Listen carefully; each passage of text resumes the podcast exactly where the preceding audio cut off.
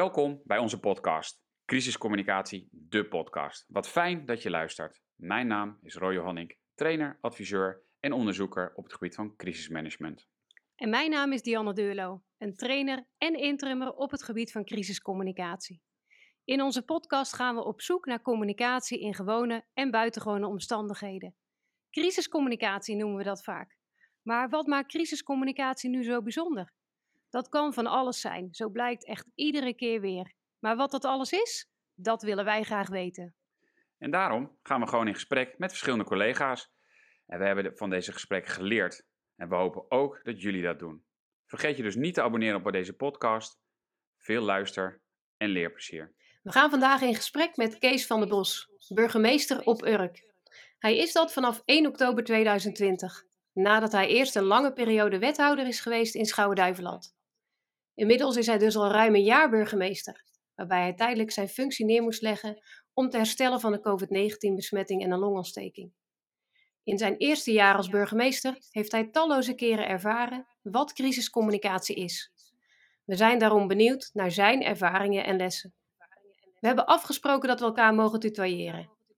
Dus stel ik graag onze eerste vraag aan je, Kees. Wat is je het meest bijgebleven als burgemeester op Urk en waardoor komt dat? Ja, dat is een goede vraag. Er is op Urk veel dynamiek. Zeker als je het hebt over openbare orde en veiligheid en crisiscommunicatie. In het jaar dat voorbij is, hebben we Urk regelmatig in het nieuws kunnen zien. Bijvoorbeeld met de brand die in de teststraat was, een protest tegen de avondklok. Maar voor mij is dat niet de meest opvallende geweest. Dat is niet degene die het meest bij, bijgebleven is. Dat zijn ook niet de rellen die er geweest zijn rondom de journalist die bij de Sionkerk was en die daar ook aangereden is. Er zijn ook nog passages gelekt vanuit een vertrouwelijk rapport, maar ook dat is mij niet het meest bijgebleven. En zo kan ik er nogal meer noemen, gezonken kotters bijvoorbeeld. Wat mij echt het meest hmm. bijgebleven is, dat zijn de rellen die we op een aantal zaterdagavonden gehad hebben in november en in december 2020. Waarom blijft je dat dan bij? Misschien omdat ik net nieuw was en dat, nou, niet de eerste, maar toch wel een van de meest eerste uh, crisiscommunicatiemomenten voor mij was. Maar wat mij ook uh, triggerde en waardoor het ook steeds bij mij terugkomt, is dat het aanhoudend was. En het was aanhoudend negatief voor je eigen dorp. En uiteindelijk moest zelfs de ME twee keer ingezet worden. Dat zijn heftige besluiten die je dan moet nemen als burgemeester. Dat heeft veel impact op het beeld van je gemeente. En ik denk dat die daarom heel erg mij bijgebleven is. Ja, vooral dus dat, ah, die aanhoudende negatieve aandacht eigenlijk voor het dorp, voor Urk. Ja, en ook je probeert soms ook iets dergelijks te snappen. En je ziet dan dat het gaat om regelgeving die door het Rijk afgekondigd is, waar je als gemeente weinig aan kunt veranderen. En vervolgens vertaalt zich dat in uitingen van jongeren die gericht zijn op het eigen dorp en het eigen dorp negatief in de media brengen. En dat is uh, iets waarvan ik denk, ja, dat snap ik niet goed, dat probeer je dan te begrijpen. En dat blijft je dan vervolgens bij en bezighouden. Ja. ja. Wat betekent communicatie gewoon normaal gesproken al voor een burgemeester eigenlijk? Van, wat is de rol van communicatie voor een burgemeester? Ja, kijk, ehm, alle burgemeesters gaan een aantal testen vaak door. En zo'n Burgman-test, dat is onder andere iets wat heel veel burgemeesters doen. En er zijn onderzoeken naar geweest van, ja, wat komt er dan boven bij een burgemeester? En dan zie je dat burgemeesters taalgevoelige mensen zijn over het algemeen. Ze spelen veel oh. met woorden. En communicatie, dat kun je heel goed verklaren, is een van je belangrijkste wapenen als burgemeester. Daarmee probeer je mensen te overtuigen, mensen zover te krijgen, bruggen over ja, te slaan tussen de groeperingen die het niet met elkaar eens zijn. En dat is heel essentieel voor je rol als burgemeester. Daarmee positioneer je jezelf, daarmee bewaar je de rust in een gemeenschap. Daarmee bouw je aan een gemeenschap. Communicatie is misschien wel het meest cruciaal. Maakt dat het ook dat niet zo ja, is dat ook eigenlijk misschien wel het meest lastige van deze periode en van het eerste jaar op Urk?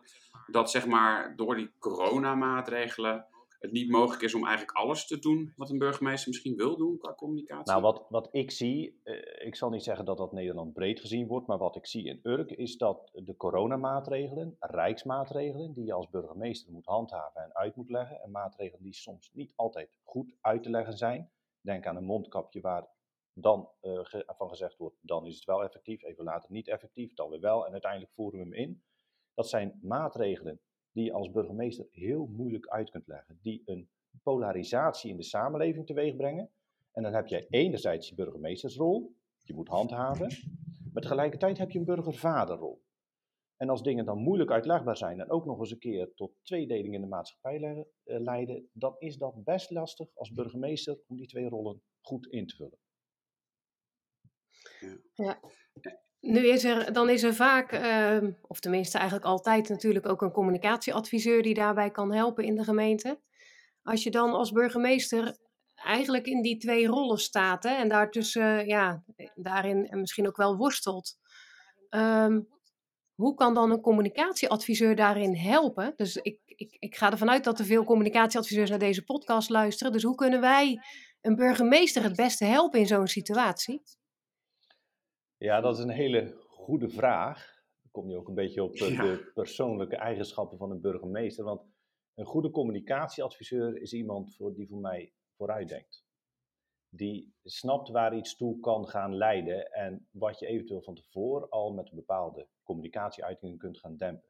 Maar het is ook iemand die als het ware in jouw huid gekropen is. Weet hoe jij denkt. Weet hoe jij gevoeligheden probeert te verwoorden. En die zo een optimaal advies aan jou voor kan leggen. En die voortdurend open staat uiteraard voor klankwoorden met elkaar. Die de juiste, scherpe vragen stelt. Dat zijn de goede communicatieadviseurs. Ja, mooi. Vooruitdenken, in de huid kruipen van. Klankbord vragen stellen. Ik hoor mooie dingen. Gelukkig. Ja, dit, dit, hadden we niet afgesproken. Hè? We, hadden, we hebben niet voorgesproken welke vragen we gingen stellen. Dus ik zit hier wel een beetje met uh, gemengde gevoelens naar te luisteren. Ik denk, oké, zou dit over mij gaan? Want uh, ik ben natuurlijk in de omstandigheid geweest dat ik, uh, dat ik Kees mocht, dat ik hier mag adviseren. Dus maar goed, daar gaan we het nu maar niet over hebben. Niet, maar wat ik wel merkte, om dan terug te geven, um, het, volgens mij is het ook fijn, en dat, vind ik, dat heb ik wel gewaardeerd, dat een burgemeester open staat voor adviezen. En ook die misschien niet meteen bij hem passen. Want dat, dat viel mij wel op als ik dan toch wat terug mag geven. Um, en, en het meest bijzondere was natuurlijk wel hè, de communicatie op zondag. Na de GGD-testadrellen, toen uh, hebben we daarover gesproken met z'n tweeën. En toen was het van, hmm, het is zondag. En vanuit de zondagsrust is eigenlijk uh, op Urk natuurlijk niet gebruikelijk om communicatie vorm te geven. Maar toch, toch is, uh, ja, hebben we het samen toen gedaan. Zo voelt het nog steeds een beetje. Hoewel de burgemeester natuurlijk de grootste stappen moet nemen. Um, dat lijkt me best wel een moeilijke stap dan. Ja, ja, enerzijds wel. Hè. Je hebt te maken met de gemeenschap. En die gemeenschap heeft bepaalde normen en waarden. En daar sta ik ook voor. Die heb ik zelf ook natuurlijk. Maar tegelijkertijd ben je ook als burgemeester professional. Dat betekent dat je ook te maken hebt, zeker met de rellen rondom de teststraat die in de brand gegaan is, want daar hebben we het over. Toen hebben wij inderdaad met elkaar contact gehad. Je zag dat daar een landelijke spin-off van was. En op dat moment kun je, mhm. Kun je jezelf niet meer terugtrekken en zeggen: wij respecteren alleen de zondagsrust en vervolgens maandag hoort u van ons verder. Nee, op dat moment vind ik dat je ook richting de buitenwereld duidelijkheid moet scheppen over hoe je ergens in staat. En dan gaat professie boven principes op dat moment. Ja. En dan speelt die boegbeeldrol een belangrijker dan de burgervaderrol, waarin zeg maar, de samenleving uh, als eerste het uitgangspunt wordt getrokken. Ja, waarbij ik ook wel op wil merken dat het uiteindelijk ook in het belang is van Urk dat ik dit gedaan heb. Je krijgt anders een heel verwrongen, verwrongen beeld van de principes waar Urk ook voor staat en die ik echt van hart omhels hoor, daar sta ik ook 100% voor. Maar dat kan ook op een bepaald moment verkeerd uitpakken. Het had zo'n niveau, het was zo in de picture, je moet als gemeente op dat moment op een passende manier iets laten horen. En ik ben niet naar talkshows gegaan. Ik heb een duidelijke videoboodschap opgenomen. Dus we hebben het ook zo klein mogelijk proberen te houden. Maar je laat dan wel iets van je horen. Je laat zien dat wij ook weten hoe het in de wereld werkt. En dat je ook je als gemeente wil verantwoorden. En wat zijn de reacties eigenlijk geweest? Want daar heb ik, hebben we het nooit meer heel expliciet over gehad. Gewoon na de tijd in het, op het, eh, in, op Urk. Wat, wat zijn de reacties geweest op zo'n video dan? Uh, die waren niet negatief, ook niet uitgesproken positief. Maar dat is algemeen het beeld op het moment dat ik media-uitingen doe en dat anderen ook media-uitingen doen. Zo, zo ligt dat nu eenmaal in deze gemeenschap. Voor mij zat er in die, uh, die videoboodschap nog wel één les hoor. Iets waarvan ik zeg van dat had ik iets anders moeten doen. We hebben toen heel duidelijk aangegeven, dit is Urk niet. En de jongeren die dit hmm. gedaan hebben, die moeten zich schamen. En ik heb dat in die, ja, als je lessen leert, mag je ze ook delen, vind ik zelf. Ik heb dat in die mm videoboodschap vrij breed getrokken. Ik heb gezegd van Urk, dit had je niet moeten doen. Maar het is gedaan door uiteindelijk twee jongeren. Wellicht dat er nog een clubje meelopers was. Nou, laat het er dus 10, 15 zijn geweest. Nou, dat betekent dat dik 21.000 mensen hier part nog deel aan hebben. En dat had ik iets beter in die videoboodschap moeten benadrukken, want hen moet je ook bedanken. Ja, oh, mooi inzicht. Het is ook wel iets ehm, waar ik zelf ook zo mee worstel nu in deze tijd. Hè. We zitten midden in, uh, in uh, de, de vierde coronagolf, waarin je ehm, heel veel mensen hoort roepen, maar de grote meerderheid zich eigenlijk toch ook wel gewoon aan die maatregelen houdt. En dat moeten we ook niet uit het oog verliezen. Hè? Ook die grote meerderheid is er gelukkig nog steeds. Klopt. Ja. Klopt. Ja. En die doen zelfs positieve dingen. En benoem dat ook, want als je in je crisiscommunicatie als burgemeester, en je bent dan burgemeester of burgervader van iedereen in dat dorp, als je alleen maar aandacht geeft aan die negatieve, en dat heeft dan ook nog een afstraling op de positievelingen, dan is het niet goed. Daar moet je rekening mee houden. Is polarisatie misschien wel eigenlijk het, het onderwerp wat misschien wel centraal staat voor hoe we deze coronaperiode dan beleveren? Gewoon met elkaar. Ja, in de eerste fase zag je dat niet. Dan zag je juist ja, uh, het samen optrekken en samen gaan we deze crisis uh, te lijf, om het zo maar eens te zeggen. Maar je ziet wel dat zeker na de tweede golf is het onderwerp polarisatie eigenlijk wel mijn grootste zorg als burgemeester als het gaat over corona. En hoe ga je daarmee om als burgemeester? Want ik, ik hoorde je net ook al zeggen, ja, de, de communicatie is belangrijk, de woorden eigenlijk woorden doen ertoe. Hè? Dus de woorden die je zegt kunnen heel veel impact hebben, zowel positief als negatief. Hoe kun je dat ja, in, in, in, in, in deze tijden van die polarisatie, hoe kun je dat inzetten? Of hoe doe jij dat? Um, kijk, het gaat uh, primair volgens mij niet direct om woorden. Het gaat primair, als je polarisatie en de kampen die dan tegenover elkaar staan bij elkaar wil brengen, gaat over aandacht. Je moet er zijn.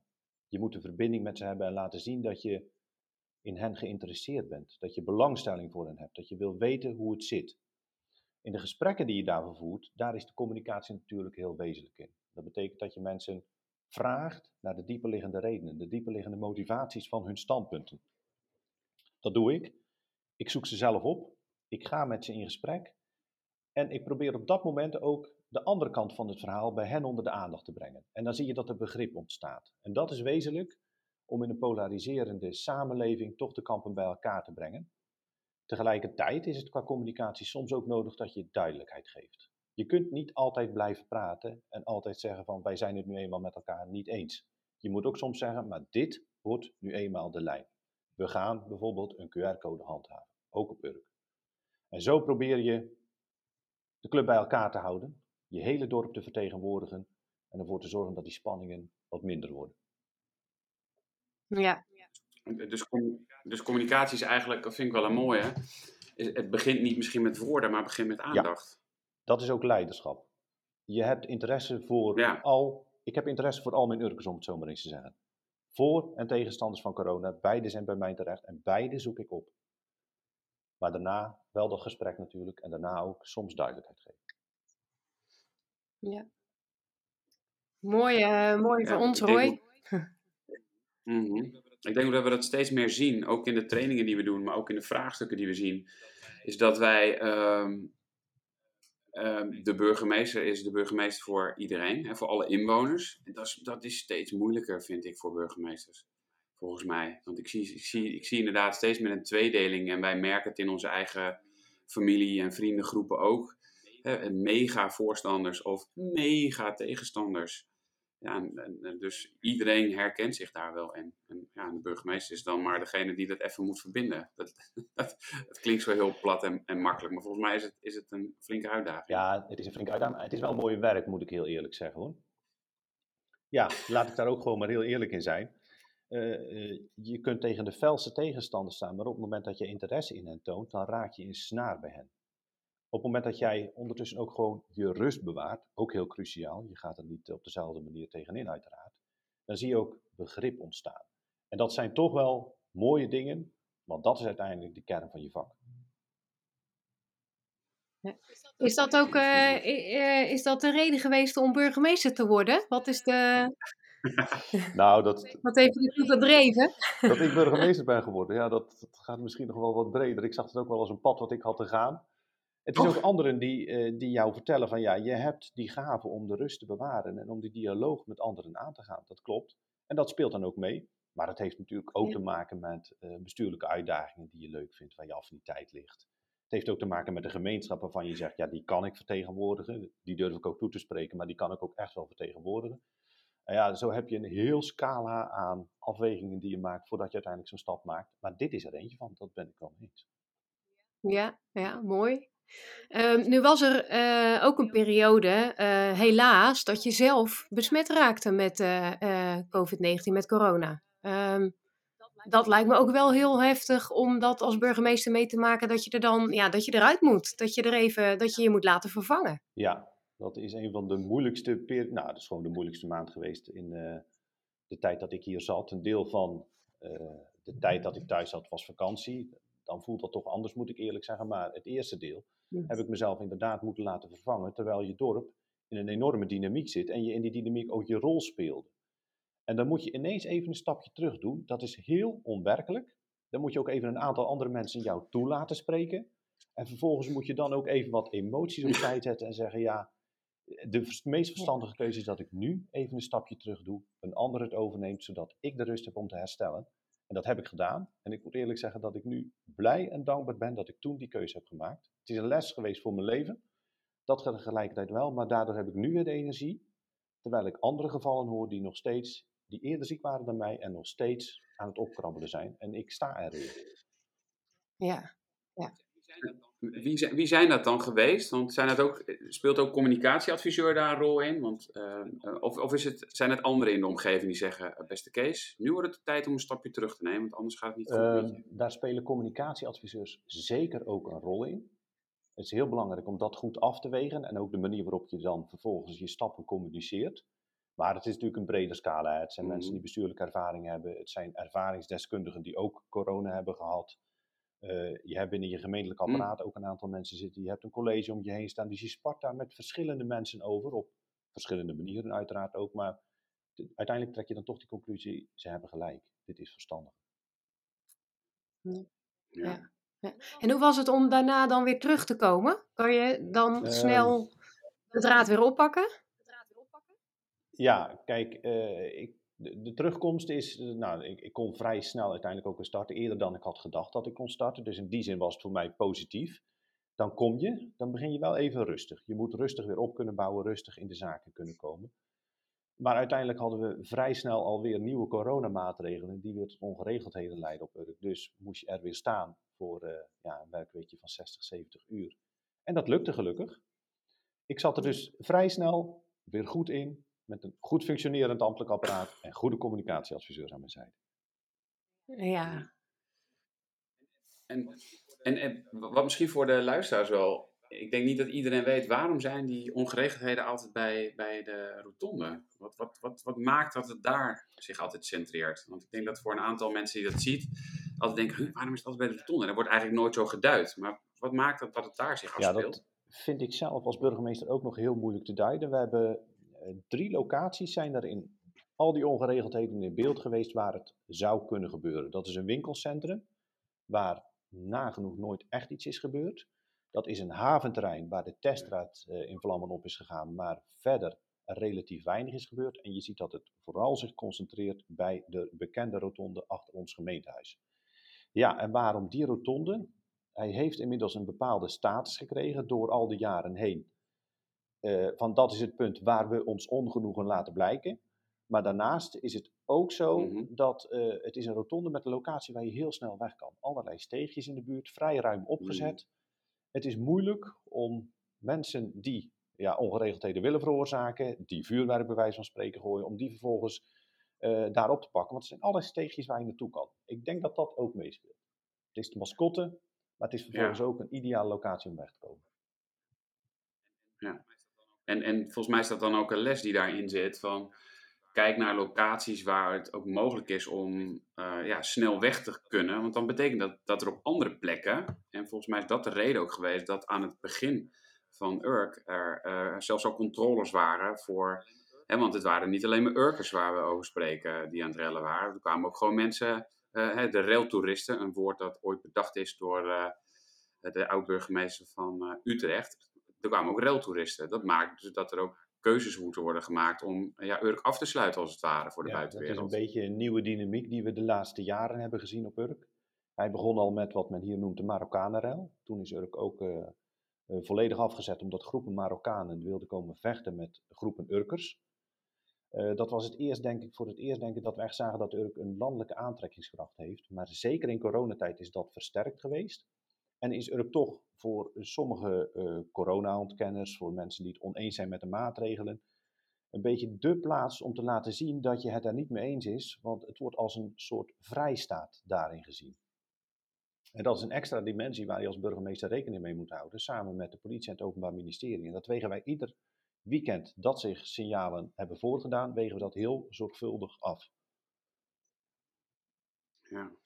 Het lijkt me wel, ik denk dat ik daar soms ook ontzettend boos om zou worden, uh, dat, er, dat er dan mensen van buiten naar mijn gemeente komen, mijn dorp. Uh, ja, dat, dat lijkt me toch wel ingewikkeld. Qua emoties ook vooral. Ik, ja. ja, die moet je als burgemeester een klein beetje proberen terzijde te schuiven. Ik had ook heel emotioneel kunnen reageren op corona-ontkenners, omdat ik het zelf gehad heb. Maar zo moet je, dat, dat moet je beheersen. Dat is je professionaliteit. Dus ik probeer dat ook een klein beetje van me af te schuiven. Maar je bent natuurlijk wel alert. Ik denk bij jezelf, ja, het gaat niet gebeuren dit. En natuurlijk, er komen er altijd een paar door de fuiken heen die je opbouwt. Maar we hebben avonden gehad dat er echt aardig wat tegen zijn gehouden. En teruggestuurd zijn omdat die een verhaal hadden wat volstrekt niet uitlegbaar was. En helemaal geen enkele reden gaf om op Urk te moeten zijn. En dan moet je, moet je Ja. scherp in schakelen. Ja. Ja, ja. Ehm, Ik, ik herken dat wel inderdaad. Ik denk dat veel mensen het eh, inderdaad zien. Nou, vrijstaat is misschien wel een, eh, een woord, maar als inderdaad symbool voor als ik kom demonstreren, dan doe ik het daar. En dat maakt natuurlijk ook dat Thierry Baudet bewust Urk uitkomt om langs te gaan. Dat meneer Engel bewust Urk kiest voor een demonstratie. Dat was ook tijdens, tijdens je ziek, ziek zijn kwam. hebben ook een flinke demo Ja, eh, gehad ja. op Urk. Dus ja, dat, dat, dat lijkt mij. En ik vind inderdaad die rust die het nu uitstraalt. Het is jammer dat, dat de luisteraars dat niet kunnen zien. Maar Dianne was net heel erg, heel erg emotioneel. En Kees bleef wel weer heel erg rustig. maar ehm, ja, dat, dat, ik, ik zou dezelfde emotie hebben. Dus dat vind ik wel... eh, het lijkt me gewoon heel ja, frustrerend. is bijna misschien wel Ja, mijn woord. nu is de ene die Urk, zo- Urk opzoekt, de andere niet hoor. En, en Thierry Baudet heeft natuurlijk ook gewoon een, een electoraal doel. En daar is in principe ook niets mis mee. Ja. Hij is gewoon een van de vele partijen die onze democratie rijk is. En die moet je ook gewoon ruimte geven, vind ik zelf, op een, eh, een dorp. Maar tegelijkertijd zie je wel inderdaad het protest met de gele parapluutjes, noemen wij dat hier, waar ook inderdaad meneer Engel bij betrokken was. Die kiest Urk bewust uit, omdat er een bepaalde status gegeven wordt aan Urk. Daar, nee, daar word ik niet boos over. Ik vind ook dat geluiden tegen corona gehoord mogen worden. Alleen, je doet het wel op een fatsoenlijke manier. En ik zorg ervoor als burgemeester dat het ook op een fatsoenlijke manier verloopt. Ik stel grenzen. En op het moment dat ik weet, ze komen voor rotzooi, dan kom je er gewoon niet in. Maar als je wil protesteren en duidelijk wil maken, wij zijn het hier niet mee eens, daar heb je het recht toe, grondwettelijk. Ja, ja. Nu zei je eerder in het gesprek zei je, ehm, hè, dat er een aantal keren ook ME is ingezet in, eh, in Urk. Ehm, op het moment dat je zo'n besluit neemt, dan, dan ben je er maar al te goed van bewust dat dat wat doet in de beeldvorming. Hè? Dat dat wat, eh, ja, mensen zien dat. Eh, en ME, alleen die busjes en de mensen eh, die daarin zitten, communiceren al eigenlijk. Ehm, eh, dat soort ja, afwegingen en dat soort, wij noemen dat altijd communicatieve implicaties. Ehm, zijn dat dingen die dan ook in zo'n overleg steeds meegenomen worden vanuit communicatie? Dat wordt meegenomen, maar het is niet alleen negatief qua beeldvorming. Natuurlijk is dat een heel belangrijk aspect. Want zo wil jij je dorp in Nederland niet te kijk zetten. Dat geef ik heel eerlijk toe. Dat weeg je af. Maar tegelijkertijd, eh, de inzet van het mee laat ook zien, er is een grens bereikt. Nou, en die twee, die weeg je tegen elkaar af. De duidelijkheid die je geeft, dit kan niet, versus het beeld wat in de landelijke media ontstaat en wat ook in je dorp zelf ontstaat over een burgemeester. Nou, die twee zaken, die weeg je voortdurend af. Daar is je communicatieadviseur heel nauw bij betrokken. Maar daarin krijg je uiteraard ook adviezen van de politie en ook adviezen van het Openbaar Ministerie. En uiteindelijk moet je dan als burgemeester de keus maken. Ja, en de, en de grenzen stellen, eigenlijk wat je net ook steeds zei. Hè? Dus de, de, ja, wel uh, de verbinding, de dialoog aangaan, maar ook de grenzen stellen en de beslissingen nemen. Ja, je bouwt het ook op. Hè? De ME is wel een van de laatste fases die je ingaat. Daarvoor heb je natuurlijk ook allerlei communicatieuitingen gedaan. En doe je ook voortdurend de uitgestoken hand. Die laat je zien. Van kom met mij praten en laten we dit op een andere manier oplossen. En op het moment dat je merkt dat men dan, ondanks dat, gewoon doorgaat, dan moet je ook zeggen, tot hiertoe en niet verder, want uiteindelijk is de overheid de baas op straat en niet de jeugd of ja. ruilschoppers. Ja. ja.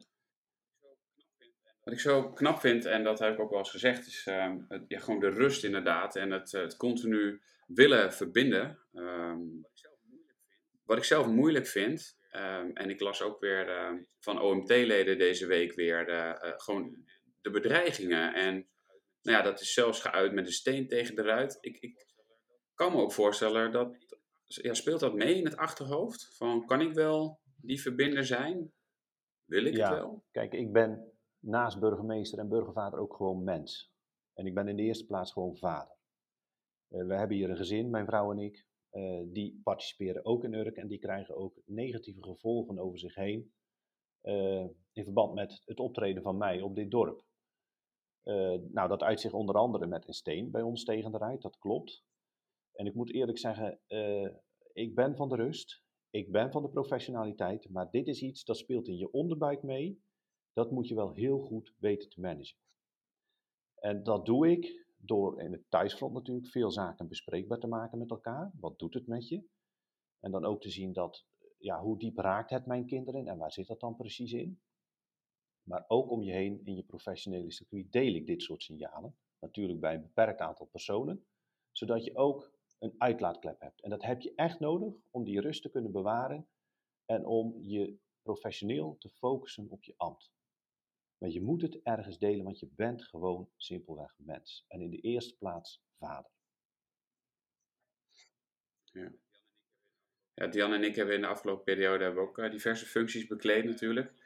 En we hebben meer dan ooit uh, ja, emoties gezien. Mensen bij wie het emmertje vol zit. Uh, en ik weet ook dat op Urk er helaas collega's zijn geweest die, uh, waar het emmertje vol zat. En ik ben denk in elke gemeente wel en in elke organisatie.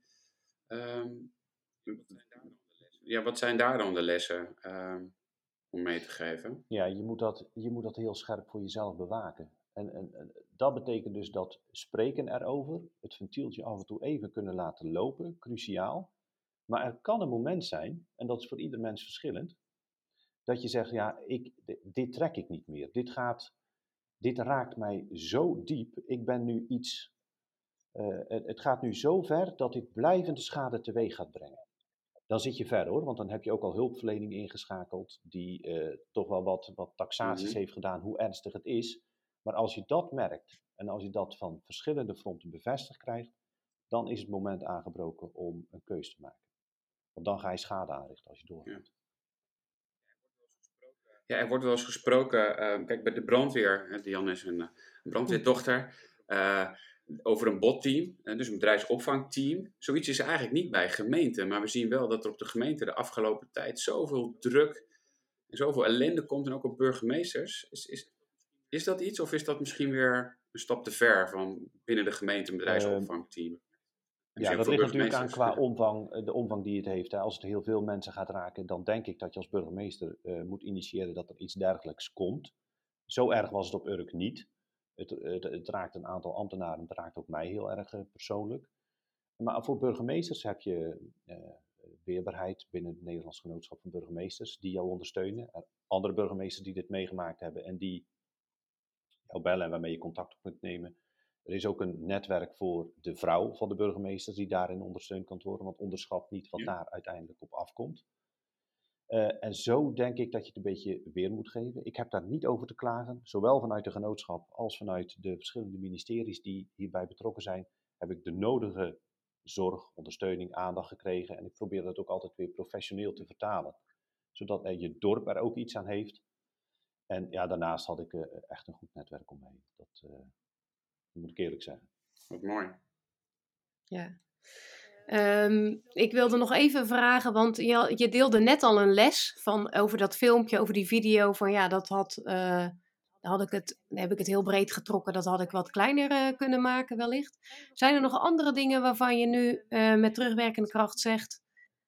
Um, oh, dat, daar heb ik spijt van. Spijt is misschien een groot woord. Dat hadden we anders moeten doen als het om communicatie gaat, hè, qua communicatieve acties. Um, kijk, uh, wat voor mij ook een les is geweest, maar dat is een typische uh, les voor Urk, voor mij als burgemeester op Urk, is de manier waarop je communiceert. Ik was altijd gewend, je staat er als bestuurder. En juist in moeilijke tijden ben jij degene die leiderschap toont en die zegt, en we gaan die koers doen, en dat doen we niet, dat doen we wel, en zo gaan we met elkaar in verbinding, en meer van dat soort vragen. Ik merkte op Urk heel snel dat je dat juist niet moet doen als leider. Dat is eerder uitdagend uh, en wordt vervolgens heel persoonlijk gemaakt, alles, dan dat dat de situatie dempt. En hier hebben we bijvoorbeeld de keuze gemaakt om uiteindelijk te communiceren vanuit de driehoek. Die heeft formeel geen status, het is, het is niet meer dan een heerakkoord en afstemming wat daar plaatsvindt. We hebben wel heel duidelijk op de duur neergezet, de driehoek vindt dit. En de driehoek besloot dat. En dat gaf in de, in, dat zie je dat op Urk gaf dat een stukje rust. Het was niet meer die burgemeester waarop we met z'n allen lekker konden schieten, maar het was nu een driehoek, dat was wat, wat anoniemer. En dat zijn voor mij ook wel lessen geweest, dat je in iedere gemeente waar je zit, even goed aan moet voelen, wat is hier nu slim? En bewandel dan ook eens wegen die je in eerste instantie niet direct als wegen zou zien. Want er wordt heel snel geroepen, ja, een driehoek is formeel niets, heeft helemaal geen status. En dan zou je ook niet direct eraan denken om vanuit een driehoek te communiceren. Maar zo creatief moet je wel proberen met communicatie om te gaan. Ja, maar dan moet je ook de gemeente dus goed kennen. Dan moet je dus ook aanvoelen eigenlijk wat, wat past hier wel of wat werkt in deze gemeente wel. Uh, want dezezelfde aanpak zou misschien uh, in, uh, in Tolen, waar ik woon, weer niet werken, bij wijze van. Dus je moet je gemeente kennen. Ja, dat klopt. En, en kijk, ik heb nog niet gecommuniceerd in de G4-gemeente. Ik heb ook nog nooit over een regeerakkoord gecommuniceerd. Dat gaat weer heel anders. Maar ik ben burgemeester op Urk. Ik moet aansluiten bij de situatie op Urk. En ik zoek ook naar datgene wat, waarvan je zegt, ja, daarmee beïnvloed ik het hier. Daarmee krijg ik het rustig hier. En dan moet je soms wel eens deze keuzes maken. En dat zal uh, de gemeente hiernaast weer heel anders gaan. Ja. ja.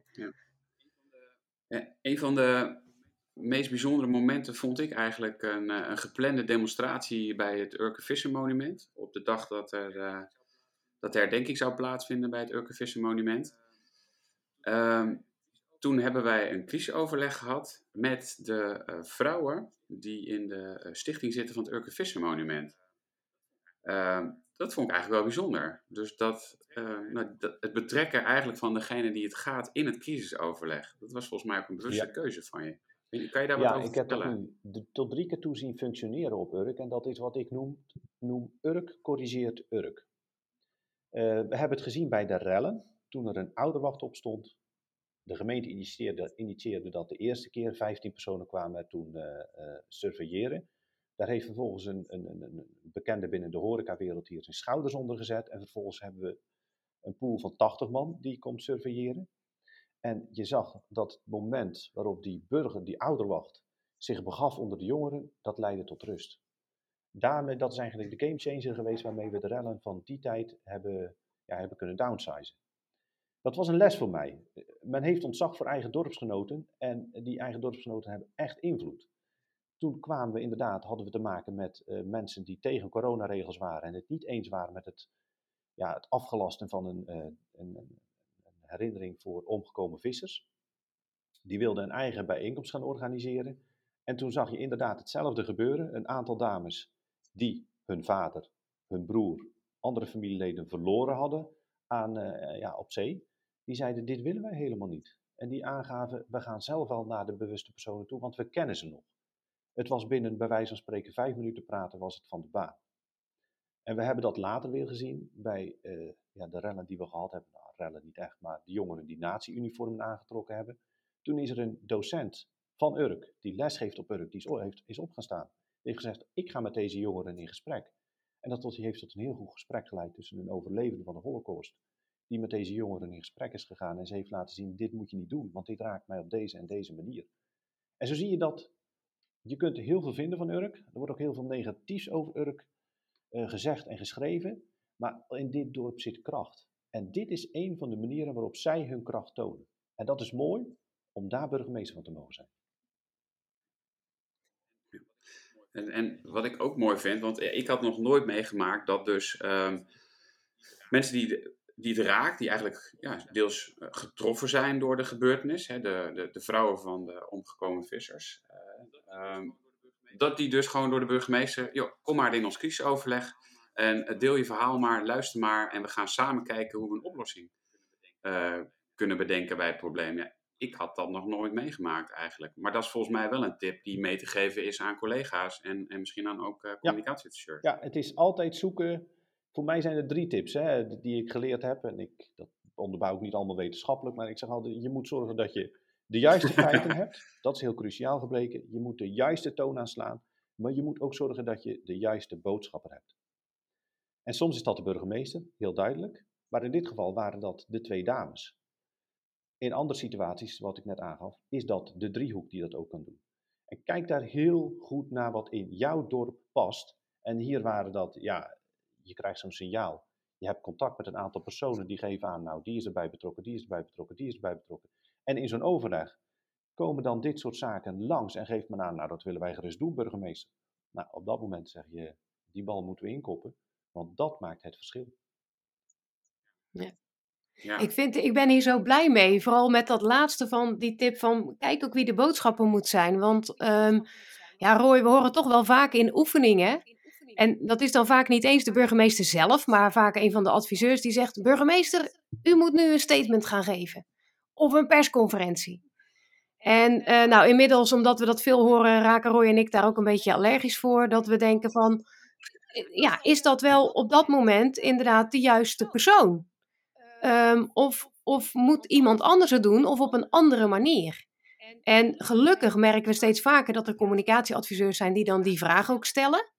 Of dat er een burgemeester is die zelf zegt: Ja, maar wacht even. Ik, ben nu, ik moet nu niet de boodschapper zijn, maar laten we daar iemand anders voor gebruiken of voor inzetten.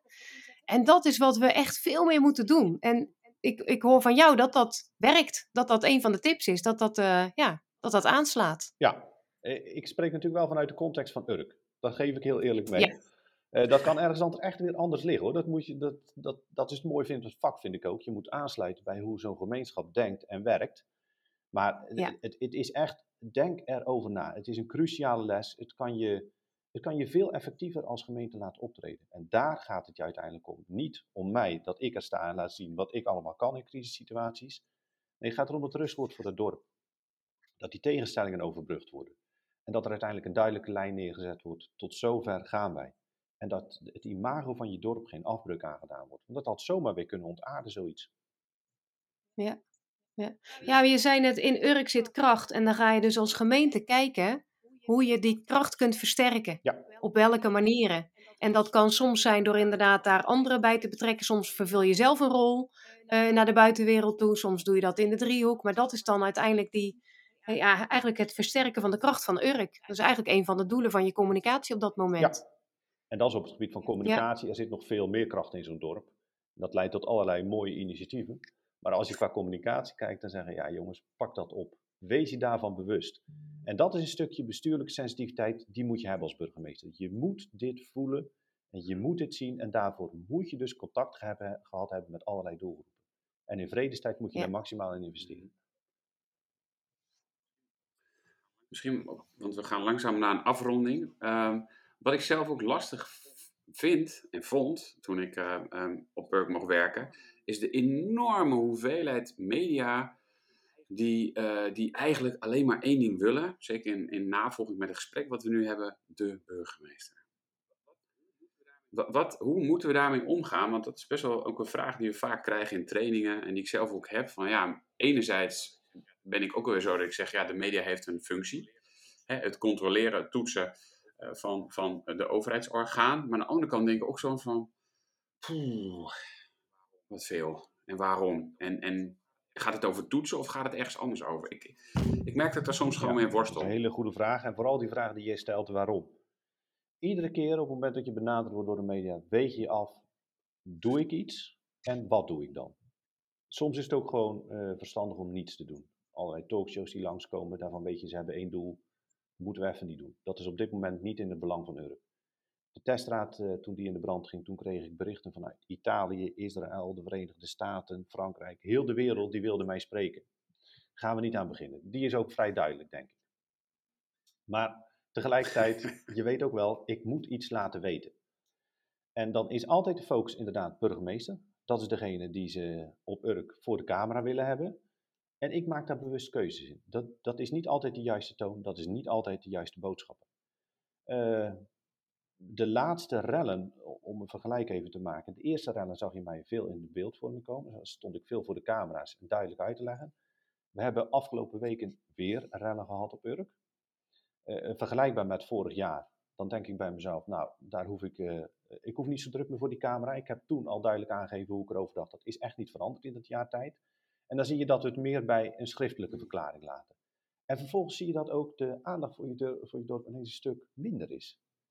Dus je kunt zeggen, ik ben de leider, ik hoor voor mijn dorp te staan. Ik moet de zaak, naast dat ik het corrigeer en toespreek, toch ook verdedigen om eenzijdigheid in de berichtgeving voor te zijn. Maar dat hoeft helemaal niet altijd. Je kunt ook op een bepaald moment gewoon de feiten geven, zonder verder een statement te maken. En daarmee duidelijk aangeven, de, ze weten echt wel dat de grens bereikt is en dat je jezelf voorbereidt. Dat hoef je allemaal niet al te groot te maken. Ja. En zo proberen wij te vinden. En dan wordt die rol, en dan wordt die rol dus veel meer op de achtergrond uh, gespeeld. Niet in de media noem ik hem maar even, maar gewoon in de maatschappij. Op, kijk, de, je belangrijkste rol vind ik nog steeds, jij zoekt de mensen op uh, die de hinder hiervan ondervinden. Met hen moet je in gesprek gaan. En daar moet je je meeste energie in stoppen. Ja, volgens mij is, is uh, bijna de kern van de podcast, of de, het kernwoord verbinding en aandacht. Hè? Ja, zijn de twee misschien, aandacht en verbinding uh, in, je, in je gemeente, met je eigen mensen. En dat dat heel belangrijk is. Ja, dat klopt. Dat is cruciaal. En de relatie met de media vraagt ook aandacht en verbindingen. Uh, ja. Alleen je doet dat meer vanuit het, het, dempend perspectief. En als het gaat om de verbinding met de groepen, ja, daar moet je heel actief juist in zijn. Maar ja. kijk, je moet media ook niet als vijand gaan zien. Zo, dat, dat, is ook helemaal niet juist. Je moet daar op een verstandige manier heel zelfbewust mee omgaan. Maar uh, wees je wel bewust van risico's en wees je bewust van kansen die daar liggen. En daar moet je een afweging in maken. En ja, dat leer je learning by doing. Nou, volgens mij een mooie afronding, uh, Roy, van, van deze podcast. Um, heel erg bedankt dat u de tijd nam om in onze podcast te komen na zo'n bewogen eerste jaar als burgemeester. Uh, ontzettend veel al meegemaakt. En dat we daar uh, ja, een inkijkje in konden krijgen. In in ieder geval de geleerde lessen tot nu toe. Het was mij een genoegen. Ik heb het uh, graag gedaan. ja, iedere keer leer ik er zelf natuurlijk ook weer wel van. Dus het is, het, is, altijd wel mooi om te doen. Zeker. Bedankt voor het luisteren. Wil je meer horen van onze zoektocht naar wat crisiscommunicatie zo bijzonder maakt? Vergeet je dan niet te abonneren op onze podcast. Tot een volgende keer. En delen, dat mag uiteraard.